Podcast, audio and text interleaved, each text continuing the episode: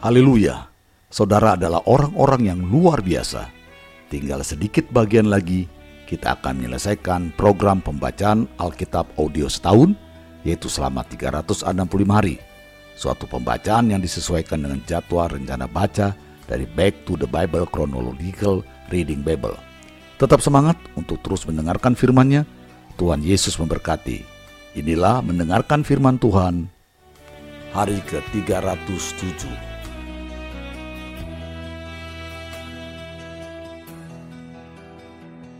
Markus pasal 11 Ketika Yesus dan murid-muridnya telah dekat Yerusalem, dekat Betfage dan Betania yang terletak di Bukit Zaitun, Yesus menyuruh dua orang muridnya dengan pesan, Pergilah ke kampung yang di depanmu itu. Pada waktu kamu masuk di situ, kamu akan segera menemukan seekor keledai muda tertambat yang belum pernah ditunggangi orang. Lepaskan keledai itu dan bawalah kemari. Dan jika ada orang mengatakan kepadamu, "Mengapa kamu lakukan itu?" Jawablah, "Tuhan memerlukannya. Ia akan segera mengembalikannya ke sini." Mereka pun pergi dan menemukan seekor keledai muda tertambat di depan pintu di luar di pinggir jalan, lalu melepaskannya. Dan beberapa orang yang ada di situ berkata kepada mereka, Apa maksudnya kamu melepaskan keledai itu? Lalu mereka menjawab seperti yang sudah dikatakan Yesus. Maka orang-orang itu membiarkan mereka. Lalu mereka membawa keledai itu kepada Yesus dan mengalasinya dengan pakaian mereka. Kemudian Yesus naik ke atasnya. Banyak orang yang menghamparkan pakaiannya di jalan. Ada pula yang menyebarkan ranting-ranting hijau yang mereka ambil dari ladang. Orang-orang yang berjalan di depan dan mereka yang mengikuti dari belakang berseru, Hosana! Diberkatilah dia yang datang dalam nama Tuhan. Diberkatilah kerajaan yang datang. Kerajaan Bapa kita Daud.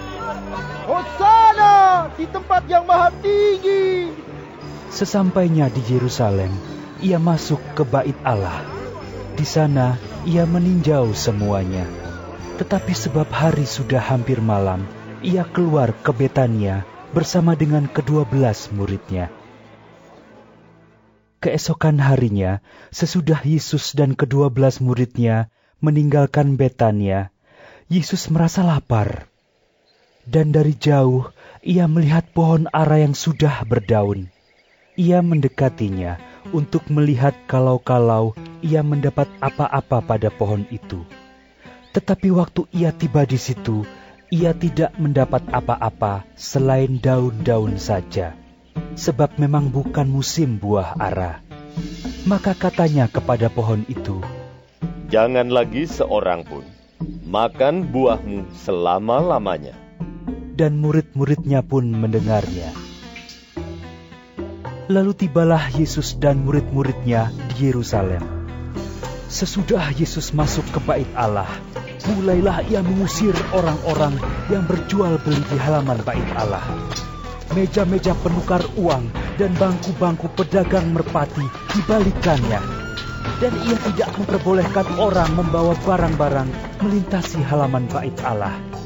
Lalu ia mengajar mereka, katanya, Bukankah ada tertulis, Rumahku akan disebut rumah doa bagi segala bangsa, tetapi kamu ini telah menjadikannya sarang penyamun. imam-imam kepala dan ahli-ahli Taurat mendengar tentang peristiwa itu dan mereka berusaha untuk membinasakan dia sebab mereka takut kepadanya melihat seluruh orang banyak takjub akan pengajarannya. Menjelang malam, mereka keluar lagi dari kota. Pagi-pagi, ketika Yesus dan murid-muridnya lewat, mereka melihat pohon ara tadi sudah kering sampai ke akar-akarnya. Maka teringatlah Petrus akan apa yang telah terjadi. Lalu ia berkata kepada Yesus, Rabi, lihatlah. Pohon ara yang kau kutuk itu sudah kering. Yesus menjawab mereka, Percayalah kepada Allah. Aku berkata kepadamu, sesungguhnya barang siapa berkata kepada gunung ini, beranjaklah dan tercampaklah ke dalam laut. Asal tidak bimbang hatinya, tetapi percaya bahwa apa yang dikatakannya itu akan terjadi, maka hal itu akan terjadi baginya. Karena itu aku berkata kepadamu, apa saja yang kamu minta dan doakan, percayalah bahwa kamu telah menerimanya. Maka hal itu akan diberikan kepadamu. Dan jika kamu berdiri untuk berdoa, ampunilah dahulu sekiranya ada barang sesuatu dalam hatimu terhadap seseorang, supaya juga Bapamu yang di sorga mengampuni kesalahan-kesalahanmu. Tetapi jika kamu tidak mengampuni, maka Bapamu yang di surga juga tidak akan mengampuni kesalahan-kesalahanmu. Lalu Yesus dan murid-muridnya tiba pula di Yerusalem. Ketika Yesus berjalan di halaman bait Allah, datanglah kepadanya imam-imam kepala, ahli-ahli Taurat dan tua-tua, dan bertanya kepadanya, dengan kuasa manakah engkau melakukan hal-hal itu? Dan siapakah yang memberikan kuasa itu kepadamu, sehingga engkau melakukan hal-hal itu? Jawab Yesus kepada mereka, Aku akan mengajukan satu pertanyaan kepadamu.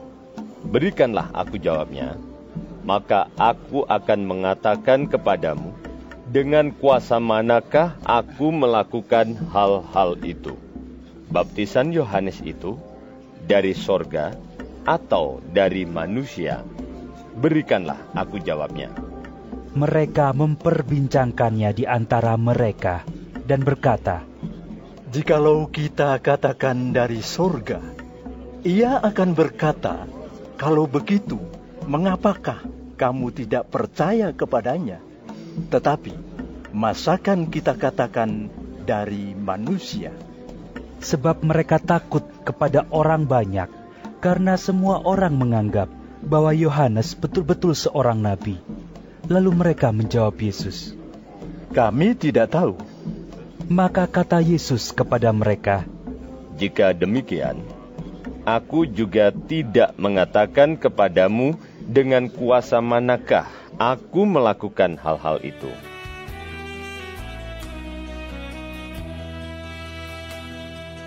Yohanes pasal 12 Enam hari sebelum Paskah, Yesus datang ke Betania, tempat tinggal Lazarus yang dibangkitkan Yesus dari antara orang mati.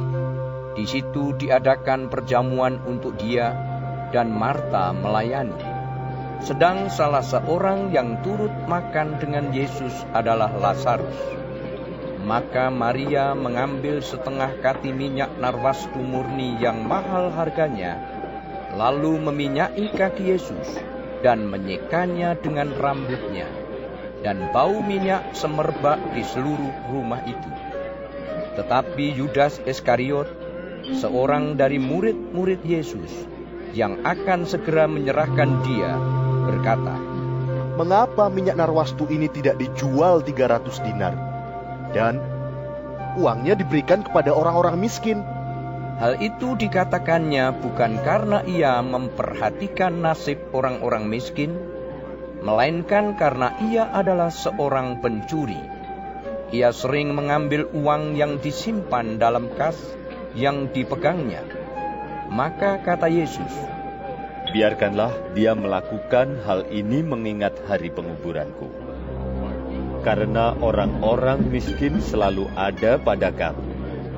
Tetapi aku tidak akan selalu ada pada kamu. Sejumlah besar orang Yahudi mendengar bahwa Yesus ada di sana dan mereka datang bukan hanya karena Yesus, melainkan juga untuk melihat Lazarus yang telah dibangkitkannya dari antara orang mati. Lalu imam-imam kepala bermupakat untuk membunuh Lazarus juga, sebab karena dia banyak orang Yahudi meninggalkan mereka dan percaya kepada Yesus. Keesokan harinya, ketika orang banyak yang datang merayakan pesta mendengar bahwa Yesus sedang di tengah jalan menuju Yerusalem, mereka mengambil daun-daun palem dan pergi menyongsong dia sambil berseru-seru. Hosana! Diberkatilah dia yang datang dalam nama Tuhan, Raja Israel. Yesus menemukan seekor keledai muda, lalu ia naik ke atasnya, seperti ada tertulis, Jangan takut, hai putri Sion. Lihatlah, rajamu datang, duduk di atas seekor anak keledai. Mula-mula murid-murid Yesus tidak mengerti akan hal itu, tetapi sesudah Yesus dimuliakan, teringatlah mereka bahwa nas itu mengenai Dia dan bahwa mereka telah melakukannya juga untuk Dia. Orang banyak yang bersama-sama dengan Dia ketika Ia memanggil Lazarus keluar dari kubur dan membangkitkannya dari antara orang mati, memberi kesaksian tentang Dia. Sebab itu, orang banyak itu pergi menyongsong Dia karena mereka mendengar bahwa ia yang membuat mujizat itu. Maka kata orang-orang Farisi seorang kepada yang lain, Kamu lihat sendiri bahwa kamu sama sekali tidak berhasil. Lihatlah, seluruh dunia datang mengikuti dia. Di antara mereka yang berangkat untuk beribadah pada hari raya itu, terdapat beberapa orang Yunani orang-orang itu pergi kepada Filipus yang berasal dari Betsaida di Galilea, lalu berkata kepadanya, Tuan, kami ingin bertemu dengan Yesus. Filipus pergi memberitahukannya kepada Andreas. Andreas dan Filipus menyampaikannya pula kepada Yesus. Tetapi Yesus menjawab mereka, katanya, Telah tiba saatnya anak manusia dimuliakan. Aku berkata kepadamu, sesungguhnya, jikalau biji gandum tidak jatuh ke dalam tanah dan mati, ia tetap satu biji saja. Tetapi jika ia mati, ia akan menghasilkan banyak buah. Barang siapa mencintai nyawanya, ia akan kehilangan nyawanya tetapi barang siapa tidak mencintai nyawanya di dunia ini, ia akan memeliharanya untuk hidup yang kekal. Barang siapa melayani aku, ia harus mengikut aku. Dan di mana aku berada, di situ pun pelayanku akan berada. Barang siapa melayani aku, ia akan dihormati Bapa. Sekarang jiwaku terharu dan apakah yang akan kukatakan? Bapa, selamatkanlah aku dari saat ini? Tidak, sebab untuk itulah aku datang ke dalam saat ini. Bapa, muliakanlah namamu. Maka terdengarlah suara dari surga. Aku telah memuliakannya, dan aku akan memuliakannya lagi. Orang banyak yang berdiri di situ dan mendengarkannya berkata bahwa itu bunyi guntur. Ada pula yang berkata, Seorang malaikat telah berbicara dengan dia. Jawab Yesus, Suara itu telah terdengar bukan oleh karena aku, melainkan oleh karena kamu. Sekarang berlangsung penghakiman atas dunia ini. Sekarang juga penguasa dunia ini akan dilemparkan keluar, dan aku, apabila aku ditinggikan dari bumi, aku akan menarik semua orang datang kepadaku. Ini dikatakannya untuk menyatakan bagaimana caranya ia akan mati. Lalu jawab orang banyak itu, Kami telah mendengar dari hukum Taurat bahwa Mesias tetap hidup selama-lamanya bagaimana mungkin engkau mengatakan bahwa anak manusia harus ditinggikan? Siapakah anak manusia itu? Kata Yesus kepada mereka, Hanya sedikit waktu lagi terang ada di antara kamu. Selama terang itu ada padamu, percayalah kepadanya, supaya kegelapan jangan menguasai kamu. Barang siapa berjalan dalam kegelapan, ia tidak tahu ke mana ia pergi. Percayalah kepada terang itu, selama terang itu ada padamu, supaya kamu menjadi anak-anak terang. Sesudah berkata demikian, Yesus pergi bersembunyi dari antara mereka. Dan meskipun Yesus mengadakan begitu banyak mujizat di depan mata mereka, namun mereka tidak percaya kepadanya, supaya genaplah firman yang disampaikan oleh Nabi Yesaya. Tuhan, siapakah yang percaya kepada pemberitaan kami? Dan kepada siapakah tangan kekuasaan Tuhan dinyatakan? Karena itu mereka tidak dapat percaya, sebab Yesaya telah berkata juga, Ia telah membutakan mata dan mendekilkan hati mereka, supaya mereka jangan melihat dengan mata dan menanggap dengan hati, lalu berbalik, sehingga aku menyembuhkan mereka. Hal ini dikatakan oleh Yesaya, karena ia telah melihat kemuliaannya dan telah berkata-kata tentang dia. Namun banyak juga di antara pemimpin yang percaya kepadanya, tetapi oleh karena orang-orang Farisi, mereka tidak mengakuinya berterus terang, supaya mereka jangan dikucilkan, sebab mereka lebih suka akan kehormatan manusia daripada kehormatan Allah. Tetapi Yesus berseru, katanya, Barang siapa percaya kepadaku, ia bukan percaya kepadaku, tetapi kepada Dia yang telah mengutus aku. Dan barang siapa melihat aku, ia melihat Dia yang telah mengutus aku. Aku telah datang ke dalam dunia sebagai terang, supaya setiap orang yang percaya kepadaku jangan tinggal di dalam kegelapan. Dan jikalau seorang mendengar perkataanku, tetapi tidak melakukannya, aku tidak menjadi hakimnya. Sebab aku datang bukan untuk menghakimi dunia, melainkan untuk menyelamatkannya. Barang siapa menolak aku dan tidak menerima perkataanku, ia sudah ada hakimnya, yaitu firman yang telah kukatakan, itulah yang akan menjadi hakimnya pada akhir zaman.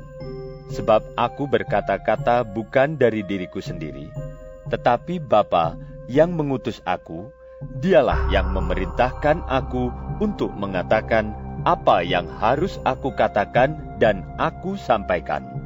Dan aku tahu bahwa perintahnya itu adalah hidup yang kekal. Jadi, apa yang aku katakan, aku menyampaikannya sebagaimana yang difirmankan oleh Bapa kepadaku. Tetap semangat untuk terus mendengarkan firman-Nya. Tinggal beberapa waktu lagi kita akan segera menyelesaikannya. Sampai jumpa esok hari. Tuhan Yesus memberkati.